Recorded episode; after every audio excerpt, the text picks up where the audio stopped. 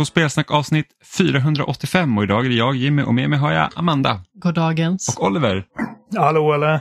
Och Adam är tillbaka också. Hej hej, ni slipper inte mig. Eh, Välkommen hit. Det är länge sedan vi har poddat.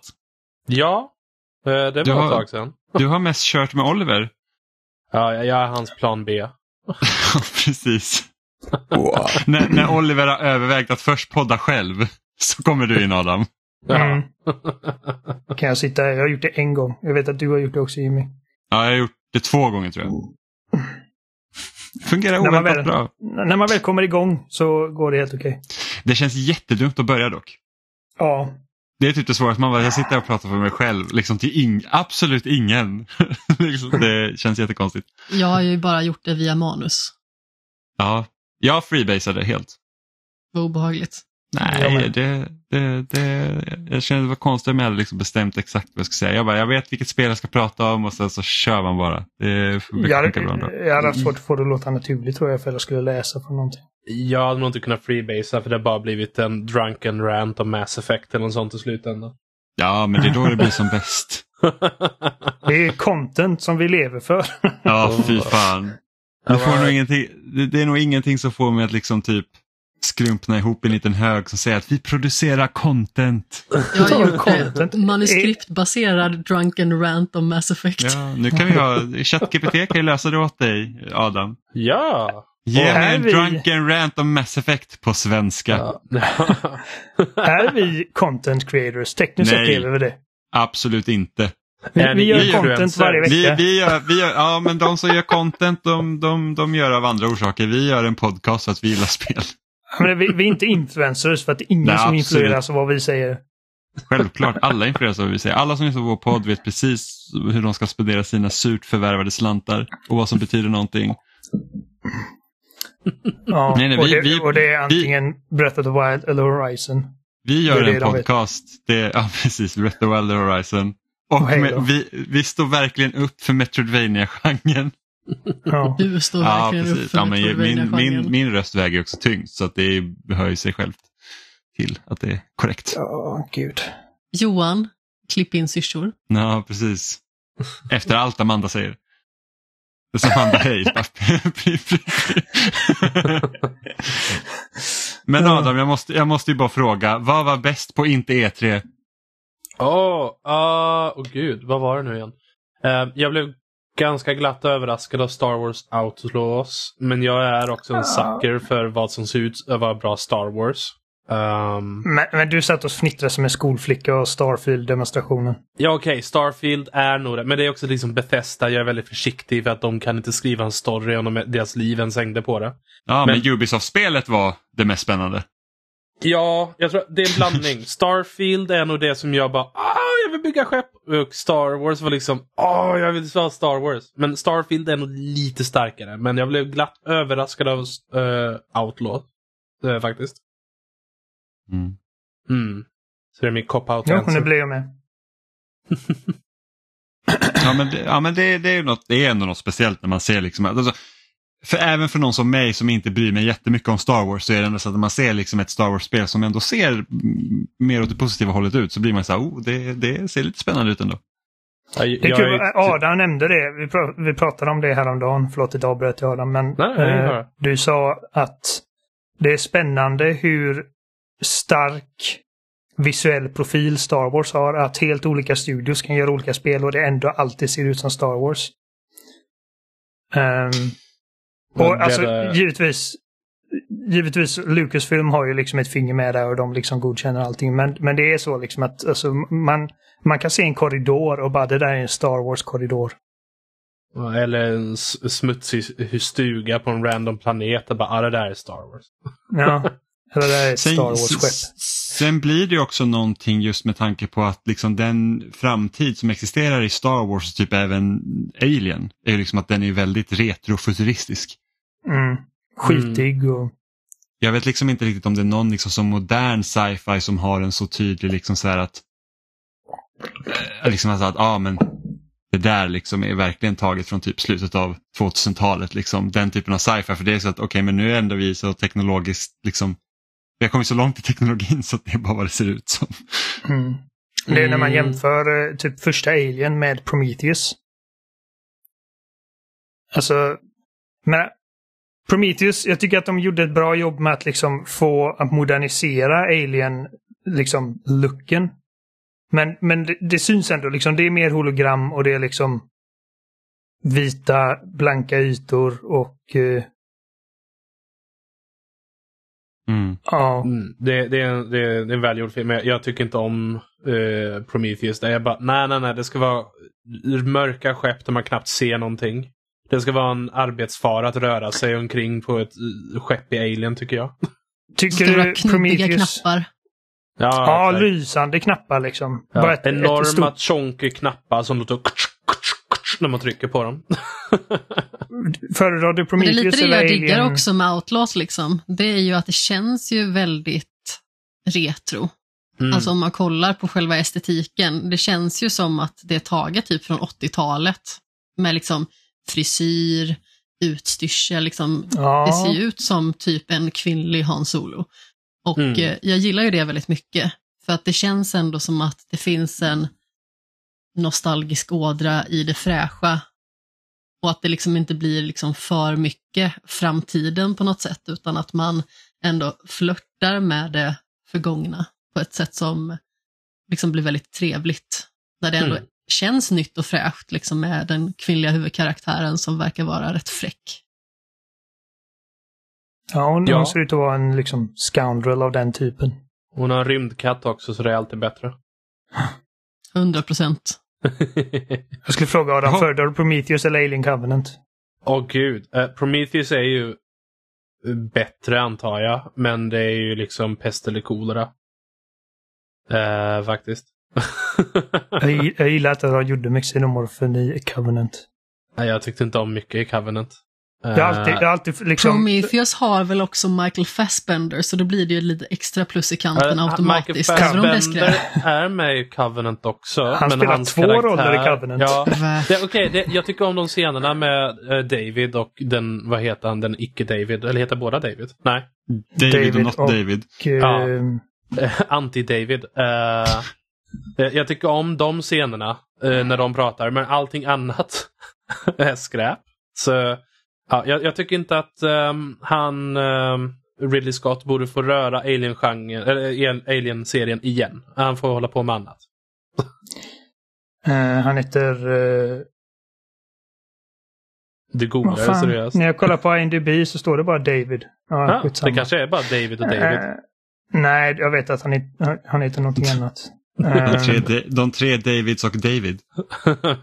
väldigt sexuellt när han ska lära honom spela flöjten. Han bara you, I'll do the fingering. ja. Eh, Ja, just Ja, det, alltså- där. just det, just det, just det. Jag kommer ihåg den här filmen var ny. Jag hörde massa poddar där de pratade om det här the fingering och det var svårt att hålla masken. Fassbender är briljant i båda de filmerna. Men, men Det är han ja, ju typ alltid. ja. ja, han är bra. Eh, Älskar jag- honom som Magneto. Mm. Men jag... Eh, jag blev lite besviken på att Noomi Pass blev dödad off-screen.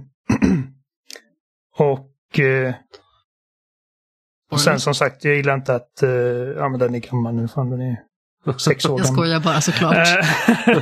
Eh, alltså, Ingen bryr sig.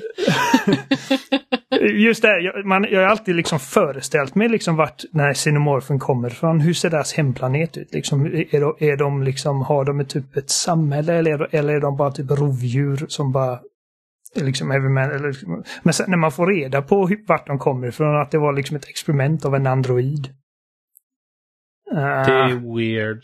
Eh, och speciellt när man tänker på hur i hela friden uh, kopplar det ihop till Alien 1. Och så, jag bara, det är därför jag, jag ignorerar dem. Jag, jag, jag kan titta på dem för de är snyggt filmade ibland. Men annars så är det bara Alien 1 och Alien 2. Det är de It's som too much!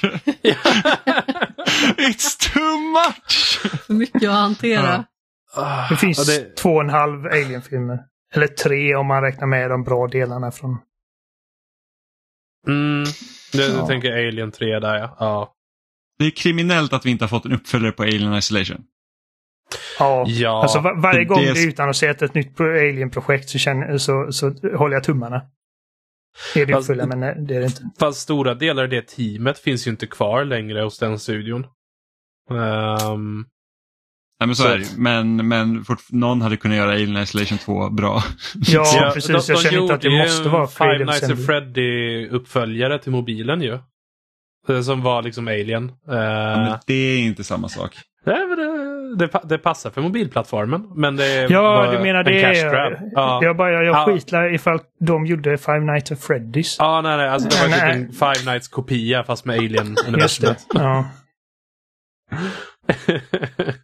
Jag menar, Frictional Games hade kunnat göra kanon-alien.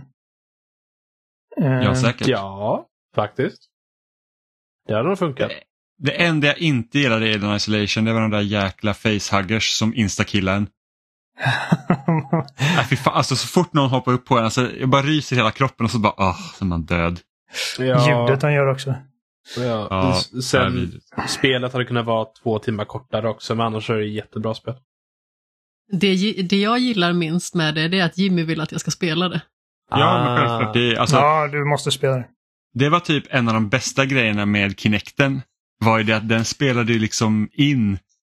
Den ehm, lyssnade. Den Ja. lyssnade, de lyssnade om du gjorde ljud och sen så spelade den, den gjorde så att den spelade in och kollade typ lite så här huvudrörelser när, när man blir upptäckt av alien. Så att jag har ju liksom inspelat första gången jag stöter på alien för man hör det där jäkla skriket i någon korridor och man bara ser i sättet jag spelar hur panikslagen jag blir. För så bara, Kameran bara skakar. tvär, ja, men så här, tvärstopp, bilden skakar, sen bara vänster, höger och sen bara springer jag och lägger benen på ryggen och sen dör jag. Det var ja. Ja. ett fantastiskt spel. Apropå Kinect har jag nämnt någon gång med Forza eh, 5 till Xbox One. När jag hade skaffat det. Jag importerade en Xbox One med Kinect här. Och så spelade jag Forza och så märkte jag att kameran var åt sidan hela tiden. Det var liksom offset från bilen. och jag fattade inte varför. Jag installerade om spelet, jag gjorde en massa grejer och det var samma sak igen. Och det visade sig att Kinect-kameran trackar ens huvud. Och jag satt med huvudet på sniskan när jag spelade sådär avslappnad som en potatis. Och den bara direkt bara, ah han tittar åt höger. Jag bara, what the fuck? Så jag stängde av Kinect-funktionen. Bara, ah, kameran är rak nu. Ja, det tog så lång tid innan jag fattade. Så sjukt. Ah, Kinect. Det var en bra satsning. Alltså, alltså säga vad man vill om Kinect så måste man ändå säga så här att om nu Microsoft ville satsa på skiten så, ja, om nu Microsoft ville satsa på maskinen så var det ju ändå rätt beslut att lägga med den i varje låda. Sen så kanske Ja. man borde ha insett Kinectens begränsningar efter första versionen när man tänkte att det är man- inte bra att säga grenade för att kasta granater i Halo. liksom, Mm. man, man, liksom, man har liksom tömt ut på idéerna där. Eh, egentligen borde man bara satt en mikrofon i maskinen och säga bara ni kan styra den med rösten. Det är det. Ja. Alltså, vi skiter i kameran. det enda jag tyckte om det var när man kom hem från eh, sko eh, skolan eller jobbet och man bara Xbox on och den bara startade. Det var nice. Mm. Och sen bara Xbox Go to random spelnamn. Liksom, alla spel gick ju att starta med rösten. Det var ju också Ja. skitnice. Jag vill inte ge Eh. dem för mycket cred, men alltså den var ju lite före sin tid för att idag är man ju mycket mer, liksom, det är ju mycket mer socialt accepterat att man liksom pratar med sin elektronik, med Alexa och Siri och allting. Ja, Eh, absolut. Det var att Mina de behövde inte ha styr kameran. allt med Alexa. Ah, hade de Eh. ingen Alexa-koppling till Xbox? Så man kunde styra Xboxen med Alexa? De hade Jag väl för mig de la till något sånt. Jo, jag tror det. Jag vet, inte, jag vet inte om det är... Jag vet inte om det funkar fortfarande och jag vet inte om det var släppt i alla territorium. om Nej. man säger så. Det var ju som första Kinecten, den fick ju inte röststyrning i Europa. Ja, just det. Ja. För att typ så här, alla kan inte engelska. Och alla, halvmesyr. det spelar ingen roll. Det var typ det jag var mest peppad på. Men det funkar bra med Kinect 2. Det, så var det faktiskt. Vi ska se. Jo, det verkar som att det fortfarande finns en Xbox-skill i Alexa. Jag kommer ihåg jag provade det för jag hade en Sonos-högtalare för år, år sedan. Mm. Eh, men det är väldigt basic saker. Ja, ja vi, vi har inga röststyrda grejer i, i vårt hem. Liksom så. För vi är Mm. paranoida. Nej, men alltså det, det, det har jag alltid fått höra typ så här att, att varenda så här medietekniksforskare säger så här, ja men har, du- har du något med högtalare i det så stäng av den. Inga högtalare borde komma in i ditt, eller liksom inga mikrofoner som, som liksom är, är i någonting ska- borde komma in i ditt hem. Mm. Det är typ det. Eh, Jag, jag sitter mest bara hemma och pratar med mig själv. Så jag har än så länge mikrofon hemma. Det är det att de hör katterna i så fall. Och de bara, åh. Katten är så här gömda spioner egentligen, de pratar liksom med moderskeppet. Tänk om någon skulle avlyssna vår lägenhet och så hör de Nemo när han får sina ryck. Ja, bara, wow! ja, ja, det är sjukt. Eh, Men vi ska inte bara prata om gamla mikrofoner och avdankad elektronik. Så, Jag tror du skulle säga avdankad katt. ja, lite, lite avdankad är han faktiskt. Eh, Den lilla äter ju systematiskt upp honom i princip. Eh, Med tanke på hur, hur rund hon är och hur mager han börjar bli. Eh, Han är inte så jättemager, han har fortfarande men väldigt det- kraftig man, man, ser, man ser så här så ration, det, det är typ som om man tänker en kattunge, liksom. man skaffar en kattunge och så tittar man så här, okej så här mycket mindre blir matsäcken och så här mycket större blir katten. Ungefär så fungerar det mellan våra två katter. liksom, den andra blir mindre blir, den- blir den andra större. Liksom. Men Det är väldigt roligt för att den lilla katten har ju fortfarande ganska så mycket så här kattungeutseende för att hon har alltid varit väldigt liten så det blir ju väldigt kul när det ser ut som att det är en liksom, kattunge som också är en snögubbe. Ja, men precis. Eh, men vi har, vi har ju spelat lite spel och eh, relativt nya spel också. Som inte har släppts än. Eh, ni har ju båda spelat eh, Lies of P-demot. Mm. Det olyckliga namnet. Ja, Det är konstigt Det kan man namn alltså. Ah. jag vet inte, jag gillar det. Ja, jag menar... Ja, nej, alltså. Men, jag vet inte, jag har inga starka åsikter om namnet. Jag bara... Men, men Jag det, här, det, här, ut- det här utannonserades ju någon gång förra året. Eh, och, och som till synes är liksom en, en Pinocchio-inspirerad Bloodborne-kopia egentligen. Ja, ja. men det är väldigt Bloodborne. Eh, Ja, Eh. alltså det är det mest Bloodborne som har Bloodbornat, typ. Sedan Bloodborne, Bloodborne 2015. Det, ja, alltså eh, eh, man ser ju definitivt liksom, det är så här kul, man, man skulle ha frågat dem i en int- intervju liksom uh, utvecklingsteamet bara, mm, har ni spelat ett från software-spel? Eh, alltså, om man kollar bara på hur kontrollen fungerar så är alltså, det är ju exakt som i eh, Dark Souls 3. Ehm, Mm. för att, ja, skillnaden mellan... Det är lite mer likt Dark Souls 3 än Bloodborne i och med att Bloodborne inte har en blockknapp. Men... men ja, Ja, jag, det, jag har ju inte spelat eh, Dark Souls 3, jag har spelat, men Bloodborne har jag spelat. Så det, var, Mm. det, var, det var det närmsta jag hade. ja, nej, men det, det, ifall man har spelat Dark Souls så mycket som, som jag har gjort och som eh, Adam har också spelat en hel del Dark Souls. eh, man, man, Mm. man, det är inte svårt att komma in i flowet liksom. Alltså man, man, man vet direkt vad som, vad som förväntas av en. Ehm, jag gillar spelets art direction. Det, det, som sagt, det är väldigt uh, bloodborne framför, inte i sin liksom fiendedesign. Um, utan liksom i miljöer, alltså så här lite mer eh, gammal europeiskt, nästan så här brittisk, Lite- Victorian. Vi- ehm, Viktoriansk, ja. gotisk stil. Precis.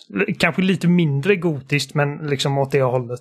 Ehm, Mm. För att jag har inte sett liksom några stora borgar eller katedraler utan, men ja. Nej, men lite Liksom, mer överklass. Ja, alltså har man, har man sett en trailer på Laser P så vet man vad jag pratar om. Uh, fienderna är med, alltså det är ju liksom olika automatons i princip, alltså liksom puppets kallas de, av olika slag.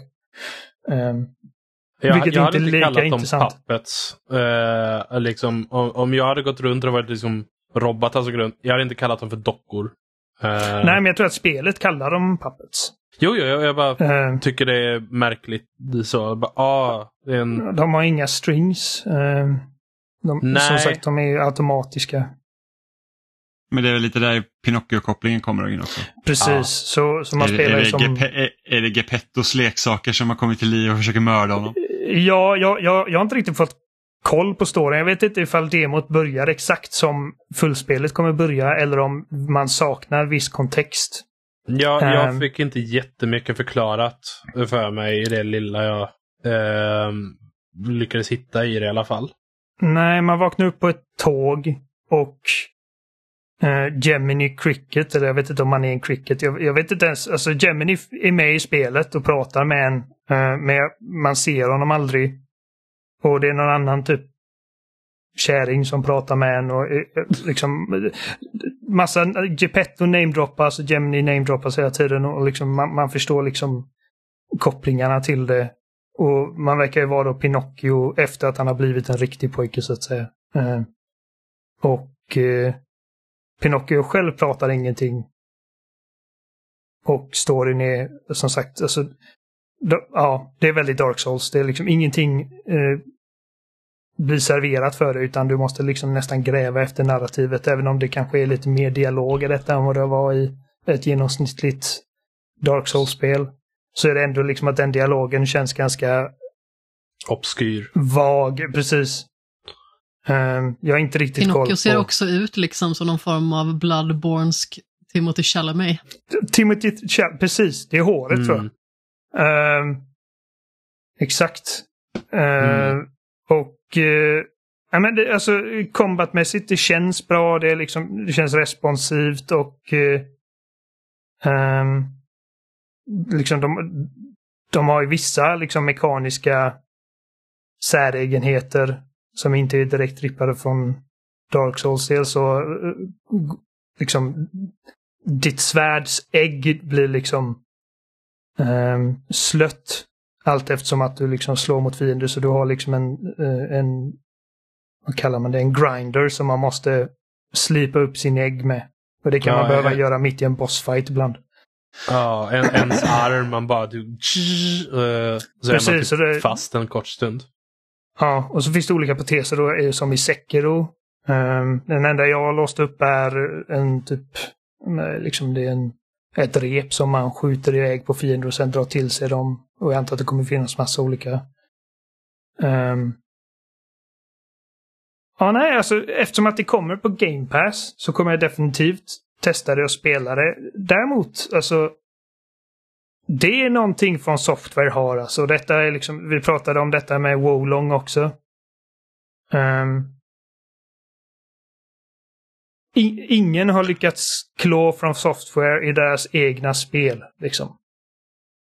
De, Nej, de jag- har någon, eh, något hemligt, en secret sauce som jag inte riktigt kan sätta fingret på utöver bara liksom att ja, gi- givetvis Men- har de mer intressant fiendedesign. Men det, det är också någonting from software. De fortsätter också att utveckla sina spel, liksom iterera på sitt koncept. De andra utvecklarna, de i princip de ligger efter för de tar ju inspiration av det som de redan skapat. Så där From Software släpper någonting så känns det fortfarande nytt och intressant till exempel. Medan många andra From Soft-kopior, om man nu ska använda det ordet, de känns ju liksom som eh, ja, det är en version av det här spelet vi redan spelat. Eller det, man märker detaljerna. Det är liksom inte så mycket nytt som de lägger till i sig. Nej, men jag vet att alltså, det är många som har anklagat för en software för att göra samma spel om och om igen.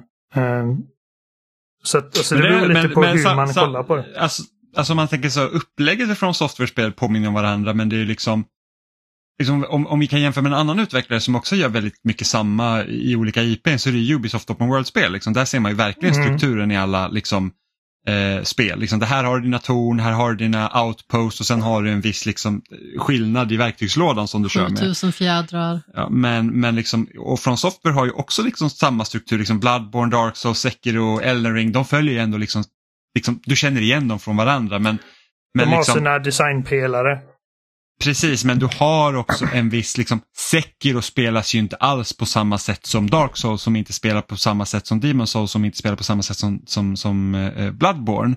Och bara att upptäcka och lära de systemen i sig gör liksom hela skillnaden medans i i, eh, i, ett, i ett Ubisoft-spel till exempel, där är det verkligen så att okej men skillnaden är att jag kanske har ett skjutvapen istället för typ ett svärd. Mm. Och, och, liksom, och, och stridssystemen där är inte tillräckligt djupa för att liksom ska känna att man, man lär sig dem och det gör hela skillnaden. Liksom. Eh, Ja, det, det, får, det för, liksom för tankarna till liksom när man snackar om Halo Killers. Liksom att varje FPS var... Ribban de försökte nå upp till var Halo. Och ingen lyckades liksom riktigt um, klå Halo fram tills Call of Duty kom och gjorde liksom att okej, nu handlar det inte om vad Halo gör utan nu är det detta vad det handlar, vad det handlar om. Ehm, ja. Och så Jag från spelar... soft- Nej, fortsätt. Mm. Jag fortsätt. skulle bara, eh, säga från software. De har ju givetvis inspirerat alltså otaliga utvecklare de senaste liksom tio åren. och man ser tydligt liksom grejer som Neo och Wolong och Lords of the Fallen och The Surge och även liksom eh, med Jedi-spelen har ju också liksom tagit tydliga influenser därifrån. God of War också. Um, och men, även Assassin's Creed. Assassin's Creed också, men precis med Origins. Um, men, så att det... Men ingen lyckas ändå liksom få få det kännas lika speciellt som, uh, som From gör. Um, och som sagt, jag, jag, kan tror, inte... Alltså jag tror också det beror mycket på hur de liksom kryptiskt sköter liksom världen som de eh, spelen utspelar sig i. Liksom så att, som jag, jag kommer ihåg när man spelade Sekiro, och tänker jag, det, det var väldigt poetiskt, liksom, även om det var det mest rättframma narrativet de hade kört med fram till mm. dess. Liksom. Eh, men det var liksom, det finns en viss känsla i dem som inte riktigt eh, andra har lyckats återskapa och jag tror det är kanske för att liksom andra utvecklare kanske bestämmer att ja, men vi ska göra ett typ ett From Software-spel, det är liksom därifrån vi tar inspiration medan liksom From Software kanske då leder det ledet. Liksom. Och de har liksom kanske en väldigt tanke med vad är det för berättelse vi vill berätta, hur vill vi liksom frammana det och hur, hur, liksom ska, hur stärker det liksom gameplayet som vi liksom har tagit fram. Eh, men jag testade Life, Lies of P-demot ganska snabbt. Jag, jag körde liksom fram till typ, jag tror inte att jag mötte en boss utan det var typ bara en lite större fiende som jag dog på ett par gånger och var så här att ah, men jag, jag orkar inte stånga mig mot det här nu. Eh, och det är liksom att det finns en annan rytm ifrån software-spelen som jag känner liksom inte att kopiorna riktigt kommer upp i. Liksom så här, nu har inte jag kört jättemånga liksom från software likes från andra utvecklare, men liksom Lies of P, eh, Lords of the Fallen, Eh, även då Wolong som vi spelade nu under våren. Så det är liksom den rytmen man kan komma in i ett från software-spel, den tror jag är svår för andra att återskapa. Liksom, hur fiender attackerar och hur man själv liksom agerar i den dansen egentligen. Mm. För att liksom massa utvecklare kan liksom klå dem på ett tekniskt plan. Liksom att de kan få texturer att se bättre ut och de kan få det att kännas lenare. Det är inte särskilt svårt. Uh, till exempel Lies of P flyter på bättre än något uh, FromSoft-spel vad gäller performance i alla fall. Ja, de har, det har aldrig varit deras liksom strong suit, det här med liksom fidelity och performance. Även om det givetvis är betydligt bättre med typ Elden Ring och Sekiro än vad det var med Demon Souls och Dark Souls på 360. Liksom. Eh, men eh, men jag, jag vet inte, alltså det, eh, det, atmosfären i From-spel är, alltså den är oppressive på ett sätt som gör att när du liksom överkommer utmaningarna så känner du dig som kung. Och sen fem minuter senare känner du dig som skit igen och sen som kung igen. Så att det är den här liksom upp och ner, liksom dalar och, eh, och kullar med liksom din, ska man säga, power level. liksom att du, det är bara, det är mycket mer gratifying i From-spel att ta sig igenom de här världarna. Och, uh, liksom, och de har också nästan liksom awe-inspiring uh, fiendedesign som sagt. De är liksom robotdockorna som man slåss mot i Life, life of Life, Lies of P. Life of Men... P, är inte det en film? Life of Pi. Life of Pi, precis. Ja, ja. Life of P.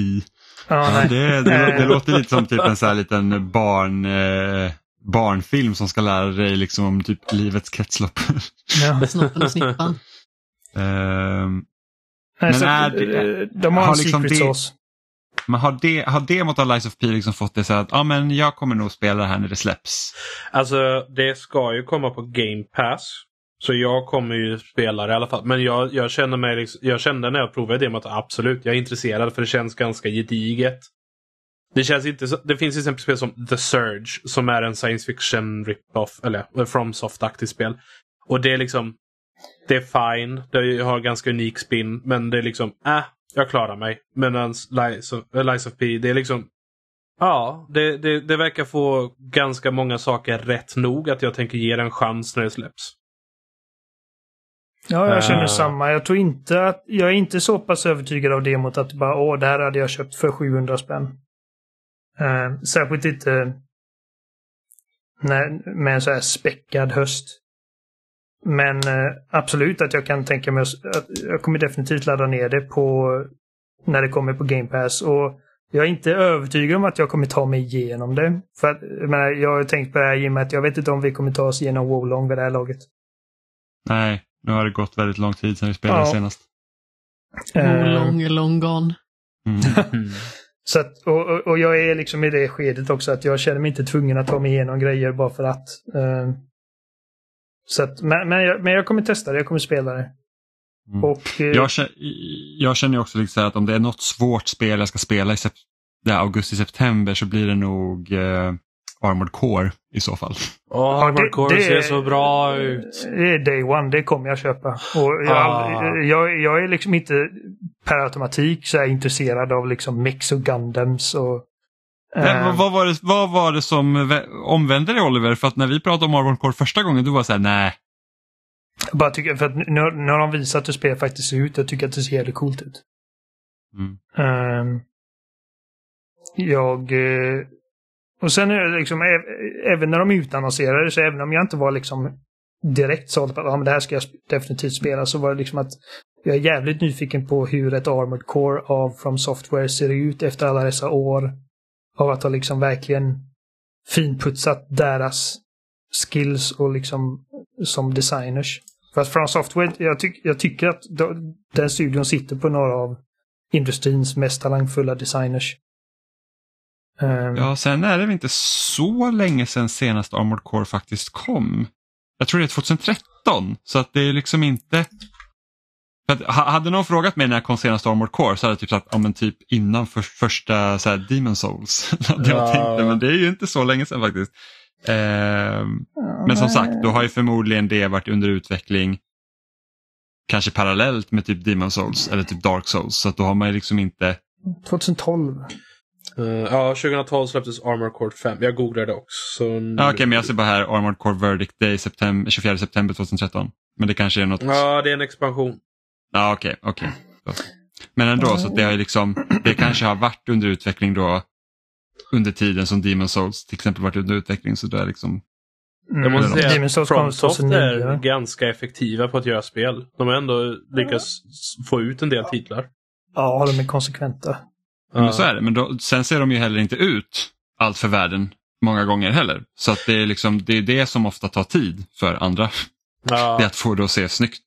Ja, Det är alltså den den enda studion som kan pumpa ut spel och faktiskt få det så snyggt ut, det är ju um, Insomniac just nu. De Ja. är fabriker. Men de är också en Ja. studio som inte pumpar ut liksom spel som alltid snittar på 95. De nöjer sig med att ligga på 8 runt. ja, och det är väl stabila åttor. Ja, det är väldigt stabila 8. Mm. Ja, nej, nej, men så att, eh, jag vet att många så här Armored Core hardcores är riktigt sura över hur Fires of Rubicon ser ut för att de tycker att ja, det, det här är bara Dark Souls med mex. Vilket jag känner att, det vet jag inte om jag håller med om, även om jag inte vet lika väl hur, hur Armored Core har sett ut historiskt. Jag är liksom bara ytligt bekant med den serien. Mm. Eh, Men liksom om jag, om, jag har ju kollat upp liksom massa gameplay på de tidigare spelen och liksom inget av det ser i närheten lika intressant ut som detta gör. Liksom bara sett till liksom miljöer och bandesign. Och, eh, och sen liksom också bara att de får möjlighet att göra någonting som inte är liksom dark fantasy. Eh, Mm. Första gången på väldigt länge och liksom jag kan tänka mig att det är väldigt kreativt befriande för dem. Mm.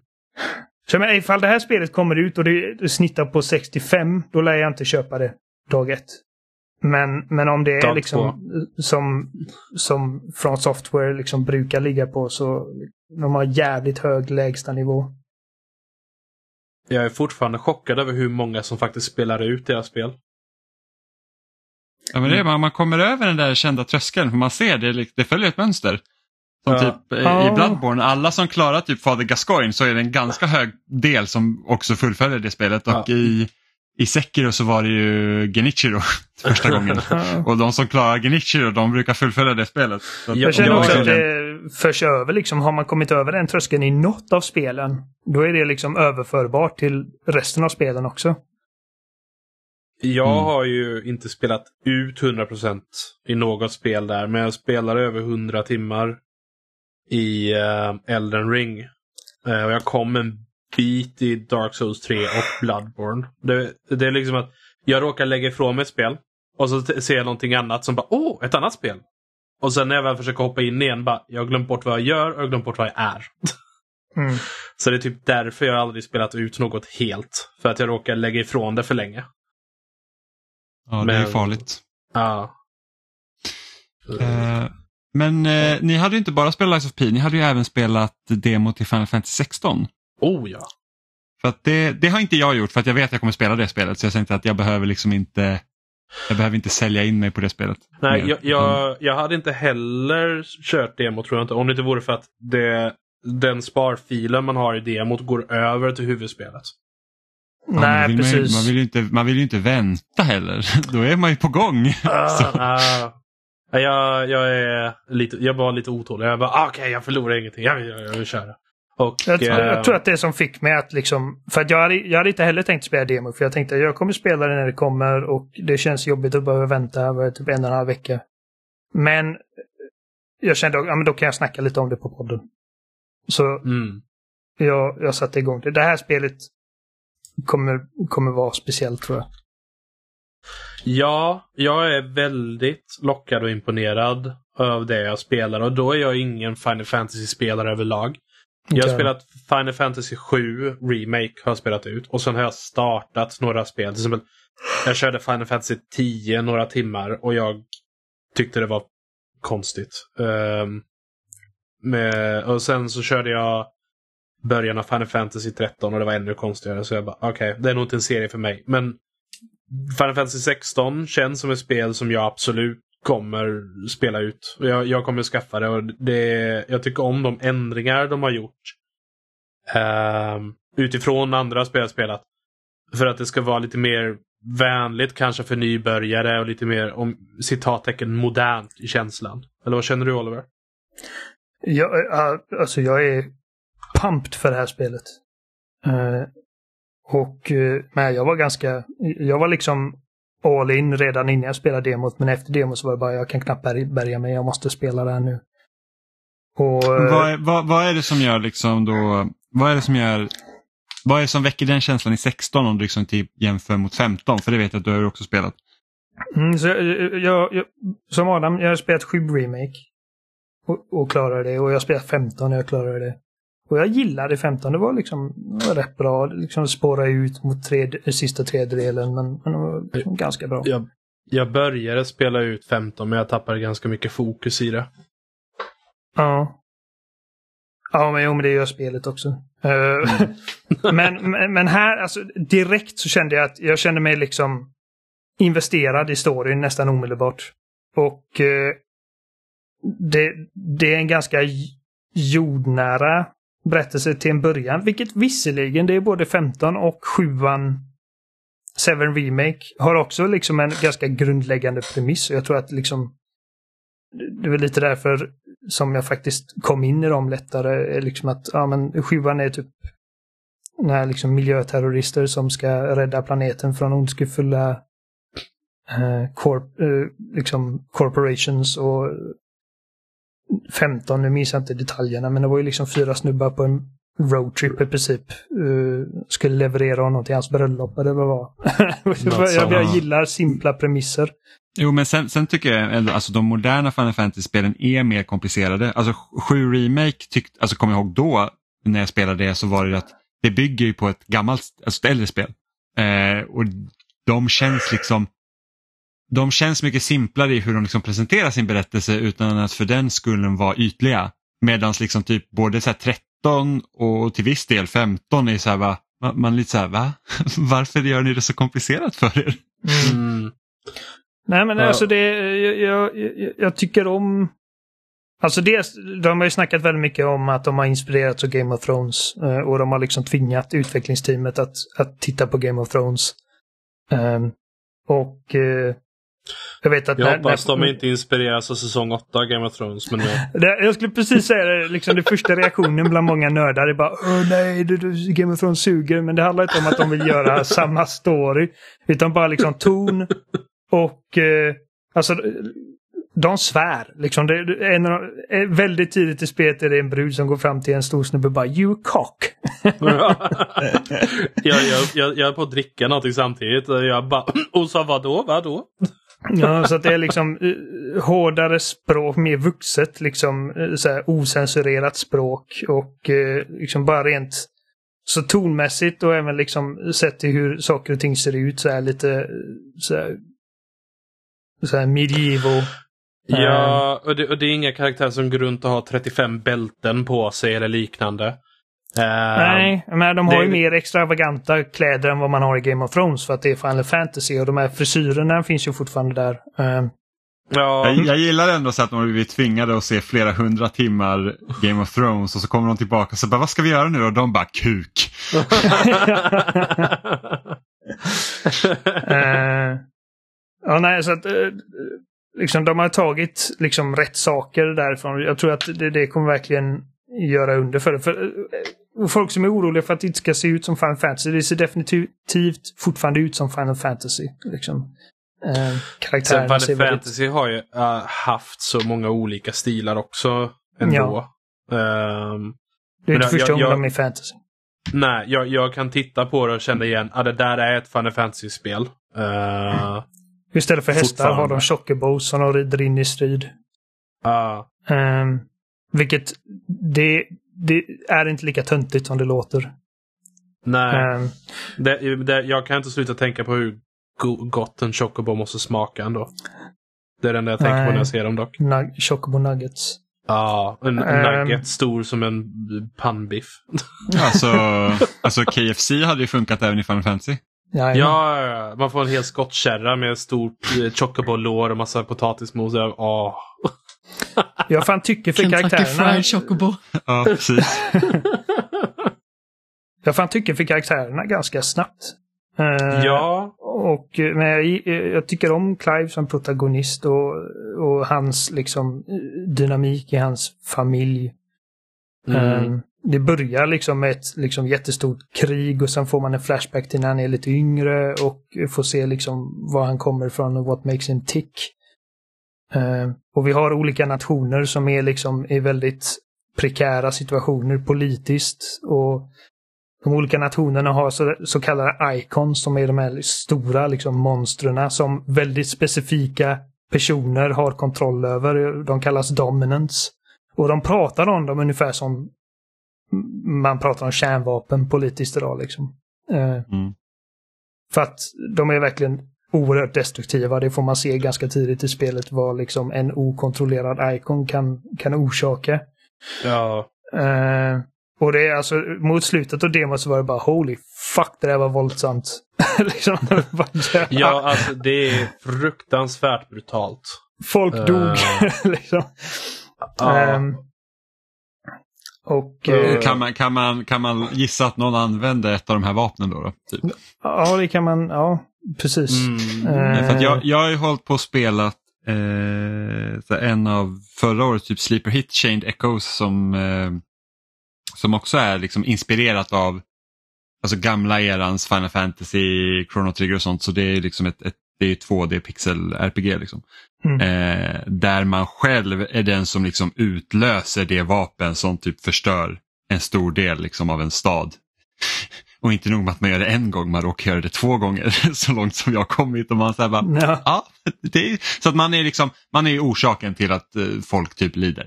ja. Och, och inte med flit. Så att, ja men det är spännande. Eh, Som sagt, den här så, familjen som Clive tillhör, jag tycker att dynamiken är väldigt intressant för att han är liksom den förstfödde till den här kungen. Eh, Men han blev inte välsignad med av The Phoenix eller vad det kallas, vilket gör att han inte är den dominanten. Hans yngre bror är dominanten och hans yngre bror ser jättemycket upp till sin äldre bror. Men, hans, men, men Clive som är den äldre bron har liksom lite så här mindervärdeskomplex för att han Hans mamma behandlar honom som skit för att han inte är liksom eh, lika viktig som hans lillebror Joshua. Men kungen älskar sina barn likvärdigt och ja, det, det är en jävla liksom, komplicerad familjehistoria som jag tycker är väldigt intressant. Och sen striderna är bara kul. Alltså, det, som sagt, det är liksom lead combat designer från Devil May Cry eh, som Mm. har gjort detta. Och jag fann inte riktigt djupet där direkt, men när jag ser andra spelare spela demon och jag bara helvete kan man göra så? Och sånt gör mig liksom pumped up, liksom där potentialen till till att göra jävligt coola grejer med ett kombatsystem. Mm. Man har liksom en, en, en varg eller en hund, jag vet inte, en husky typ, som är på D-paden som är din liksom konstanta companion. Man får inte smaka så mycket av det i demot för att det är liksom så tidigt i storyn. Eh, Men det finns ett extra så här combatläge där man får känna lite på det och, och, och vargen är jävligt kul. Ehm, och Men det- e- eftersom, eftersom man kan föra över sin sparfil då, så antar jag att demot liksom börjar ju från början då. Ja, Ja, det är precis. de första små kapitlen av spelet. Mm. Och en grej jag älskar, alltså när man kollar, när man streamar film på typ eh, på Prime. Om man pausar så ser man liksom, okej här är alla skådisar som är med i just den här scenen. Men de Mm. har någonting liknande det här spelet, att om, om man håll, håller man inne touchplattan när som helst, både i gameplay eller under en mellansekvens, så får man upp ett litet lexikon att här är karaktärerna som är med i den här scenen nu. De heter så här, det här är deras bio, liksom biography. Och det här är liksom biografin för platsen du just nu är och här är biograf biografin för platsen som de pratar om just nu. Så att du, du ifall du är lite liksom off eller har tappat bort dig för att det är liksom det är mycket prat om olika liksom nationer, olika karaktärer och grejer. Håll in den deep, eh, touchpaden så får du förklarat för dig att okej, här är det här är den personen de pratar om. Det här är den personen som pratar. Och så att liksom det, det är väldigt lätt att hänga med i allting. Ja, Mm. ja, alltså jag blev eh, extremt imponerad när jag såg den funktionen. Först visste jag inte den fanns där. Jag såg mot typ sista cutscenen där. Jag bara What? Kan, kan jag göra det här? Eh, eh, eh, och det liksom blew my mind att inte fler spel har något liknande. För att det finns de här spelen med här enorma världar och det är karaktärer som använder särskilt lingo och liknande. Som det, är liksom, det hade varit underlättat för så många om man bara kunnat trycka och bara förstå, okej, vad i hela friden pratar den här snubben om? Ja, för att mitt minne är värdelöst. Jag kan liksom... eh, Jag kan ha glömt vad som hände för sex timmar sedan liksom. Och, eh, och särskilt för sådana som, som lägger ifrån sig ett spel och sen kommer tillbaka ett par veckor senare och är lite lost så liksom den här kommer vara guld värd. Alltså, jag, jag börjar tänka på när jag spelade Witcher 2 för första gången. Jag har inte spelat något Witcher-spel. Och man börjar Åh. liksom Witcher 2 mitt i en situation. Och det är liksom Ja. bara ah det är Nilfgaardians i lägret. Och jag bara, vad i hela friden är Nilfgaardian för något?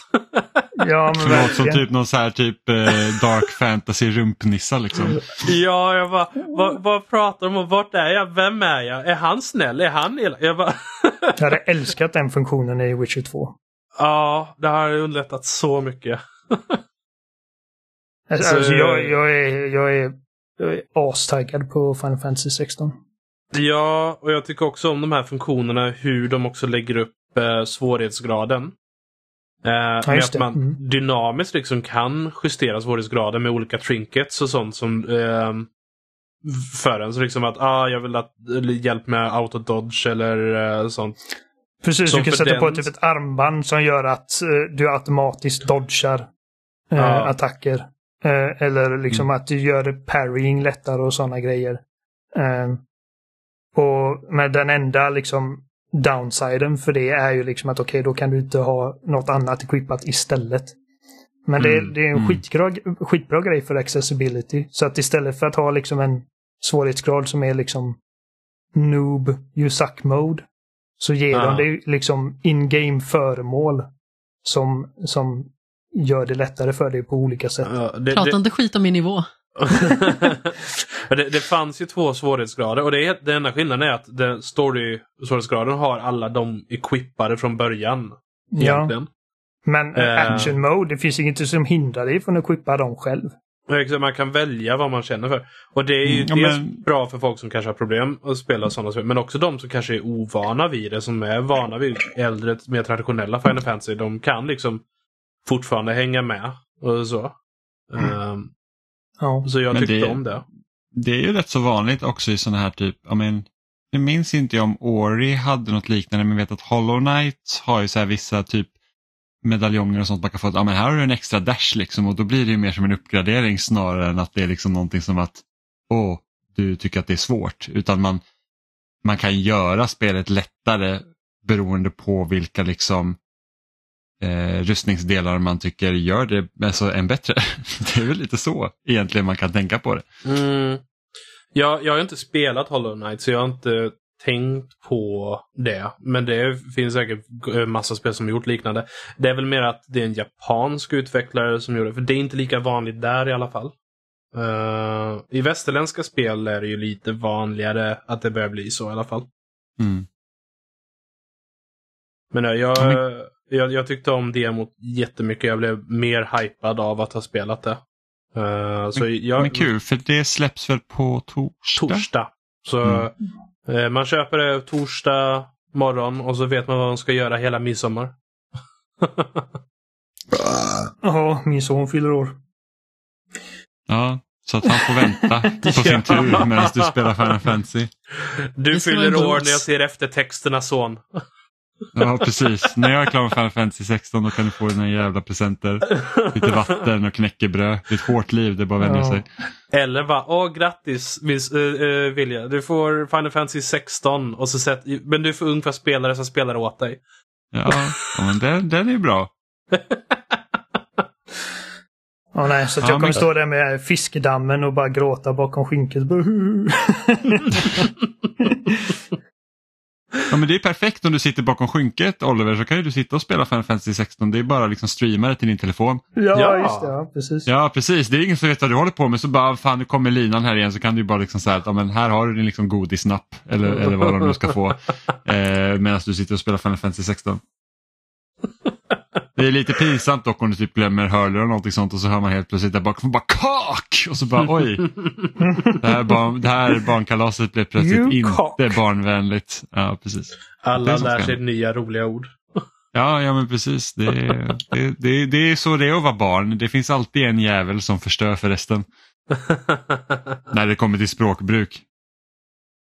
Ah. Men Amanda, du har ju, du har ju inte spelat Final Fantasy kanske, men jag hörde att du har spelat lite minigolf. Du hörde, du Ja. såg. Ja, ja, ja men vi har får ha lite illusioner de här vår produktion. Ryktesvägen här Ja, hemma. Sverige. Så jag har hört att du har spelat minigolf och inte riktig minigolf. Är det valpen som har skvallrat? Ja, Dåligt. ja riktigt skvaller. Man kan inte lita på någon Nej, verkligen inte. Men Jag testade faktiskt att spela lite walkabout minigolf i VR, vilket var väldigt mysigt. Alltså jag tycker ju att minigolf är väldigt kul i verkliga livet, så jag tänkte varför inte testa det liksom just i VR? Och det känns ändå ganska så bra måste jag säga. Alltså det är ju lite känsligt naturligtvis, så som det ofta blir i VR. När man Jag tror liksom- att det är lite känsligt i minigolf för det är alltid någon som blir sur. Det också.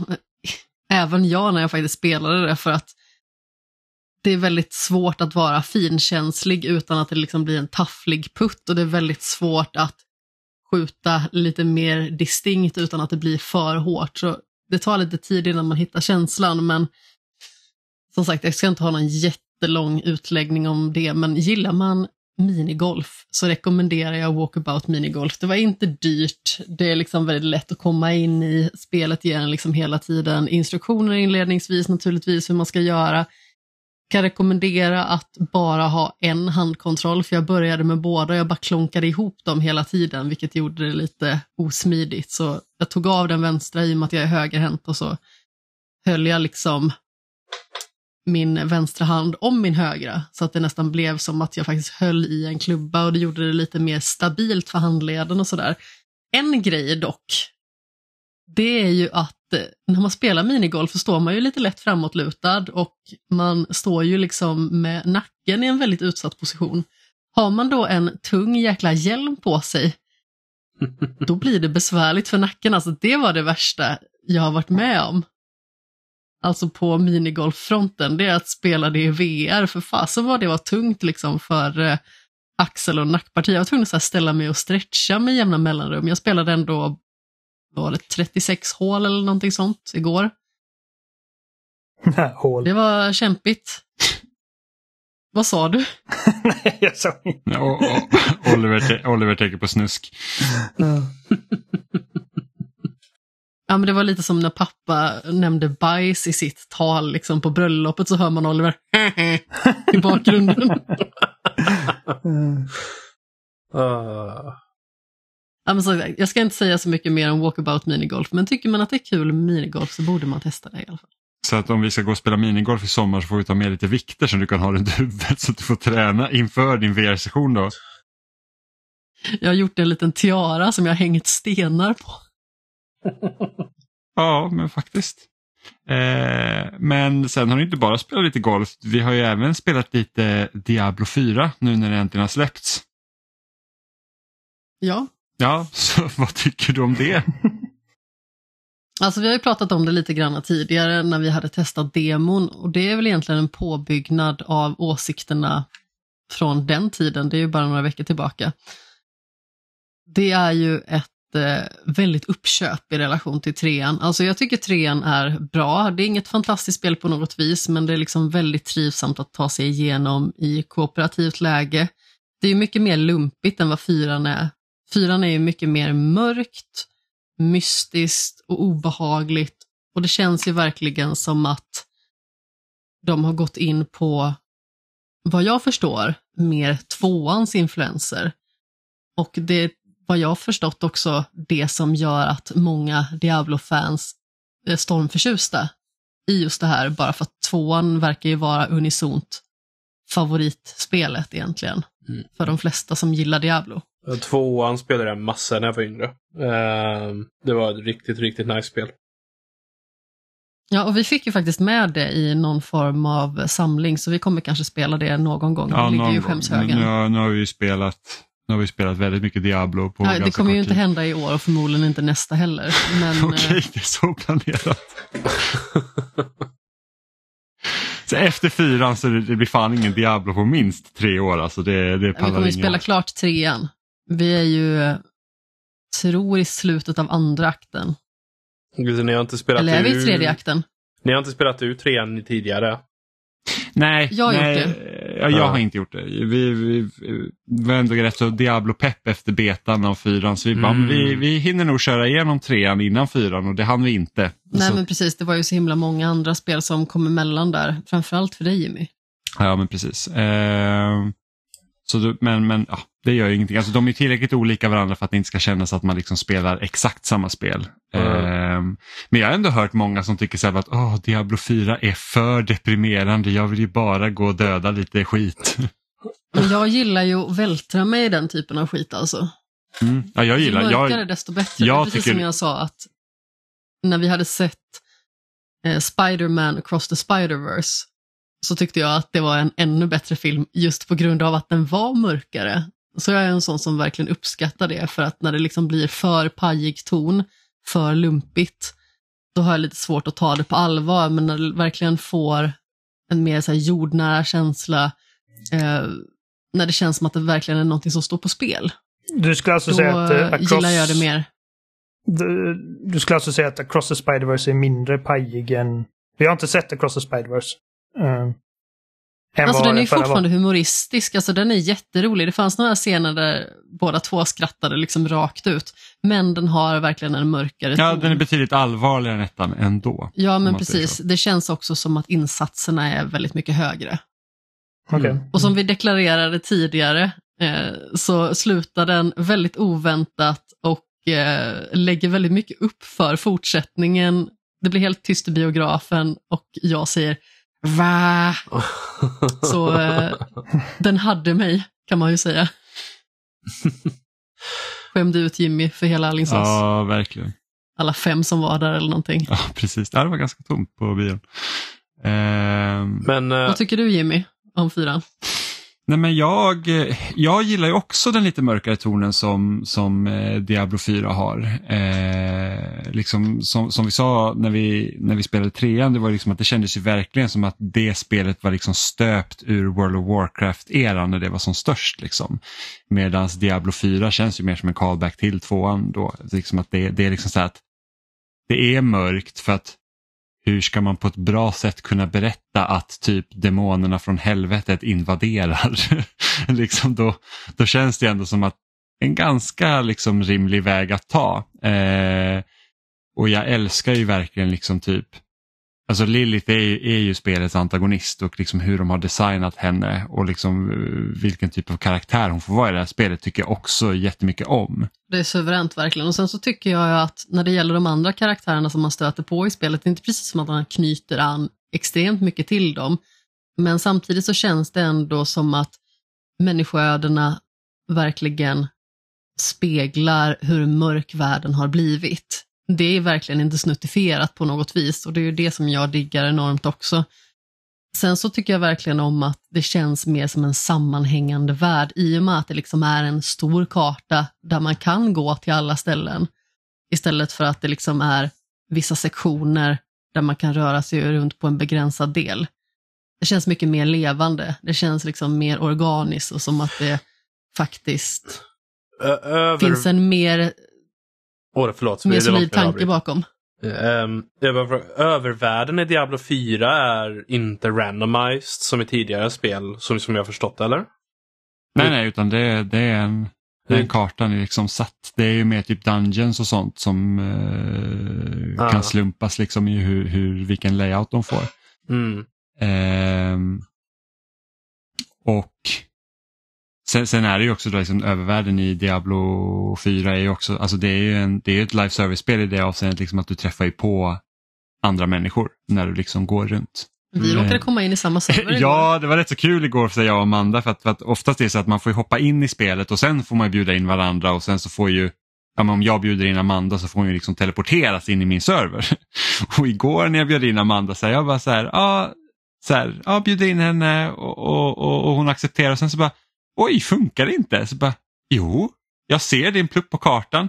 Då hade vi liksom börjat i samma server och sen så när jag bjöd in henne så var det liksom som att bara att hon fick ju fortsätta där hon var. vi var bara tillsammans. Eh, så det var lite kul. Det är inte ofta det händer. Liksom. Mm. Eh, men så kan man liksom träffa på lite andra människor och det är liksom world events, typ Destiny. Eh, vi har spelat lite med Stefan också vilket har varit väldigt Ja precis, det har vi spelat med Stefan också. Eh, och det är liksom lite world events på kartan som man kan gå in i för att liksom få lite loot och så kan det komma in andra människor som hjälper en och sen vet jag att när man har klarat ut spelet så kommer man även kunna komma åt typ PVP-zoner och lite sådana grejer. Eh, Ibland så kommer det ju så extremt mycket fiender också. Alltså, det var ju någon gång det såg ut som att det kom en hel våg mot mig. Jag vet att jag hade råkat komma ifrån dig, vilket jag liksom gång på gång lyckats göra. Ja, för det är typ så här, nu ska vi gå till det här objektivet Amanda. Ja visst, så går vi dit och sen helt plötsligt bara, nu har du gått ifrån mig och man bara, hur kan jag gå ifrån dig när jag leder partyt? liksom, det är jag som, jag konstigt, nu går vi hit, jag går först och sen Amanda går bakom mig och helt plötsligt har Amanda sett typ, jag vet inte, hon har sett en kotte eller någonting sånt i ett litet hörn och hon bara, vad är det här? Och så springer hon iväg dit och sen så, sen så bara, kommer hon med en hel drös av fiender dessutom. För inte nog med att hon har träffat på typ 13 orcher eller vad det nu är. Utan då säger hon så bara, nej det här är lite för svårt för mig så nu ska jag fly från det här. Och på tiden när hon flyr från den här första gruppen orcher, då har hon sprungit in i typ tre andra grupper av fiender. Så kommer hon där med typ 30 fiender och man säger bara, vad har du släpat med dig? Alltid minst 25 ghouls i släptåg. Ja, men, men alltså kiting är en Diablo-teknik sedan fornstora dagar. Det är helt legit. Det är bara att leda dem. sen, sen, är ju skillnaden i fyran i alla fall gentemot trean är ju det också att liksom hela världen levlar upp eh, sam, samtidigt med dig. Och att mm. levla i Diablo 4 är ju liksom inte heller som att ah, men nu har jag gått upp en level så nu är jag mycket starkare utan allt är ju väldigt knutet till din gear som du har. Och rätt som det är så har du levlat upp så mycket men du har liksom inte hittat bättre gear som håller liksom fart i dig Så att helt plötsligt är det väldigt svårt. Så ligger man brun till. Ja, och när det är så pass mycket fiender som också levlar upp samtidigt som dig, men de lär sig inte nya förmågor, de blir faktiskt starkare. Ehm, då kan det bli väldigt svårt. Så rätt som det är så har man liksom kommit till en punkt där att fan det är för svårt helt plötsligt. Liksom nu är det den här jävla lilla golen som man typ, liksom typ, ja, jag kör en magiker som, som specialiserar sig på el. Eh, så nu är det så här liksom att jag kan inte bara ge den här liksom en elstöt och den faller ihop och dör utan nu är det så här bara Alltså jag står här med typ mitt bilbatteri och bara typ nästan i princip torterar den här lilla golsen som bara vägrar dö. Eh, så det blir svårt. Så att vi var på någon boss häromdagen så att jag bara, jag måste späcka om för att jag klarar inte det här helt Ja, plötsligt. men den var ju också helt bisarr den bossen för att den skickade ut eldbollar som i början liksom bara gick i en stadig, rak riktning men successivt blev de mer och mer målsökande. Det var så otroligt frustrerande. jo, jo, men det är så att hade vi gjort Träffade det... de en eh, så var det ju nästan liksom direkt död. Ja, men hade vi gjort det för fem levlar sen så hade det kanske gått jättebra för då hade vår armor varit betydligt bättre. Ja, men exakt. Eh, För det är, liksom, det är ju en del av problematiken i Diablo 4 är ju det liksom att helt plötsligt så kan du liksom typ ha levlat upp dig så att du har typ fuckat dig själv. Liksom. Ja, men ungefär. Men det är också därför jag helt plötsligt har lite för många fiender Ja, med men mig. det har nog varit ganska konsekvent genom hela Fast grejen är ju spelet. liksom att jag försöker ju att eh, springa iväg lite så att jag får lite bättre räckvidd också. För det är ju så att jag spelar Rogue Mhm. och mina vapen är ju liksom armborst och kniv. Så jag behöver liksom ha lite utrymme för att så bra som möjligt kunna verkligen så här zooma in på fienderna och ta typ en i taget och då behöver man liksom komma en liten bit ifrån dem i och med att det gör sig bättre på håll. Men sen är det väl en, någon skillnad på att typ så här, bara, jag har lite avstånd till fienderna och det är ett berg mellan mig och Jimmy dit vart vi faktiskt skulle gå. Ja, men ibland så är det också typ så här, okej jag behöver Jimmy, jag tar med dem här, de kommer inte släppa mig. Det värsta är ju när man kommer med de här jäkla stora yxasen också. Som typ knockar en så att man liksom ligger platt på marken och så kommer man med typ sju sådana. Mm. Ja, Jimmy, det hände en grej här borta i den här lilla grottan och eh, nu har jag fått lite nya kompisar. Ja. Men sen har jag liksom lite det problemet nu att liksom jag har kört elmagier och jag känner liksom så att jag inte hittat någon gear egentligen som, som jag liksom tycker att ehm, riktigt stärker eh, liksom mina attacker. Ehm, och sen just det här med att just sättet som fienderna levlar med den så helt plötsligt handlar det inte bara om att jag kan typ spela Diablo lite som jag vill för att jag vill testa de här olika eh, skillsen utan sen blir det så här bara okej, jag kanske till och med behöver minmaxa här. Mm. för att eh, jag har märkt att min isattack, för att, för att liksom, även om vi specialiserar mig på el så har jag liksom också tagit lite is för att det är ganska kul att frysa fienderna och sen typ bränna dem till döds med el. Eh, men då märkte jag att min isattack är bra mycket bättre. Alltså, alltså även om den liksom, alltså min isattack som jag kan liksom slänga typ så här eh, ice shards och, sen, och den var på level 1 och den är liksom mycket starkare än min elattack som jag ändå har typ levlat upp så mycket som det går i skillträd. Eh, och då har inte jag he- heller haft någon gear vid det tillfället som egentligen har gjort mina isattacker speciellt mycket bättre. Det är bara att is helt enkelt, tycker jag, fungerar mycket bättre än el. Ja, ja, Så det, nu för, det är inte så att det är bara vissa fiender det fungerar bättre på utan det är bara överlag. Nej, det är överlag. Ah, okej. Alltså, en bra taktik är liksom att springa fram, använda sin liksom area of effect-attack som fryser fienderna och sen typ kasta is på dem och så dör de ganska snabbt. Ah, Jämfört okej. med, för att det jag har gjort, liksom mina elattacker, det är så att när jag gör elattacker så kan det producera typ eh, små liksom elfragment så att när jag plockar upp dem så, så, så, ut, så liksom utsöndrar jag el från liksom min karaktär som gör att de elas i princip konstant. Huh. Eh, vilket ändå inte är tillräckligt starkt liksom, mot min, min, min isattack. Ehm, och sen blir det ju liksom så att när man väl, för att i Diablo 3 var det så att du kan i princip späcka om din karaktär hela tiden. Det är bara så att, ja men nu vill jag testa den här skillen istället och då kan jag bara byta. Eh, Medan i, i Diablo 4 så är det så också att jag, jag liksom, om jag vill späcka om då måste jag kanske liksom för att få fler ability points så måste jag liksom ja, betala för att eh, ta bort skill points och sen ska kunna liksom allokera om dem, precis som det brukar vara liksom i RPGs. Eh, det, blir- men det här blir bara dyrare och dyrare och jag har ju sett flera på nätet liksom så här, att jag är inte tillräckligt stark nu så att jag har typ fuckat mig själv för att det kostar två miljoner för mig att få tillbaka några skill points. Ja, det är väldigt olyckligt. Ja. Men jag tror att det var Peter Ahonen som jag eh, skrev lite kort med där, som precis som vi hade börjat på World Tier 2. Eh, för att vi tyckte ju att normal var liksom för lätt när vi testade demon. Så vi började liksom eh, Snäppet högre. snäppet högre, precis som vi avslutade egentligen. Ja, när vi men, ja. testade, eller betan var det inte demon. Men eh, han hade sänkt efter ett tag, bara för att liksom det skulle vara överkomligt och sedan höjt igen, tror jag att det var.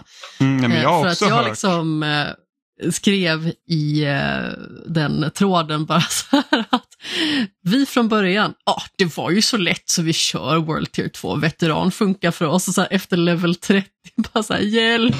Ja, men det var ju bara för liksom, att man vill ju heller inte att det ska vara helt, för att, för att det har jag känt när vi har kört Diablo 3, att det är liksom lite Det är för, för det är liksom lite för hjärndött. Så att då blir det liksom inte roligt heller. Men jag har ju också hört folk som har börjat liksom på World Tier 2 och sen liksom bara så att, alltså ärligt talat, det är liksom sättet man levlar upp på och sättet som fienderna blir svårare på. Så liksom den lilla XP-boosten man får i, eh, i World Tier 2, det är liksom inte värt det. Eh, med tanke på den gear man kan få när man är liksom i, i den World Tieren.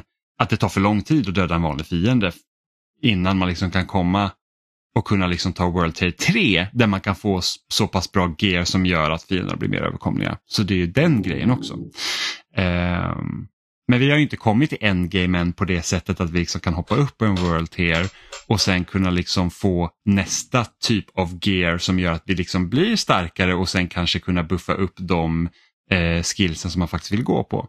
Sen vet jag ju så att det är när man väl kommer till över 50 så låser man upp liksom nästa del av typ jag vet inte om man kan kalla det en skills för att jag vet inte riktigt hur det kommer se ut men det finns liksom en flik i ability, eh, ability-sidan som, som heter Paragon och då som, som låser upp något helt annat som gör kanske att man måste späcka om sin karaktär. Så jag vet faktiskt inte hur det kommer se ut. Mm.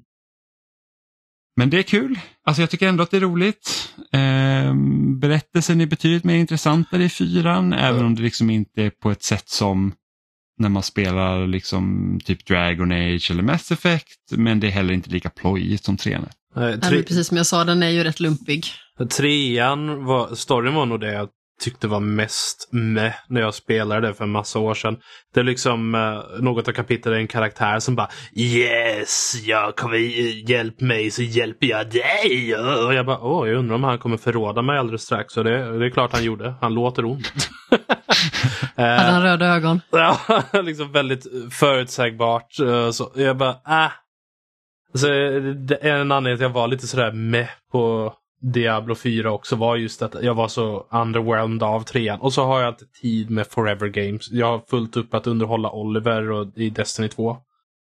Ehm, liksom. Det blev en liten kul konstpaus innan Destiny 2.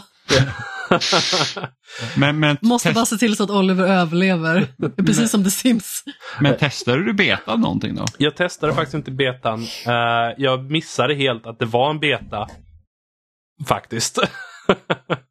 Eh, Ja, jag förstår. Men jag, jag kommer nog ge det en chans, men jag kommer nog ta det på en sale eller något sånt. Ehm, och jag vill ju spela det helst på PC.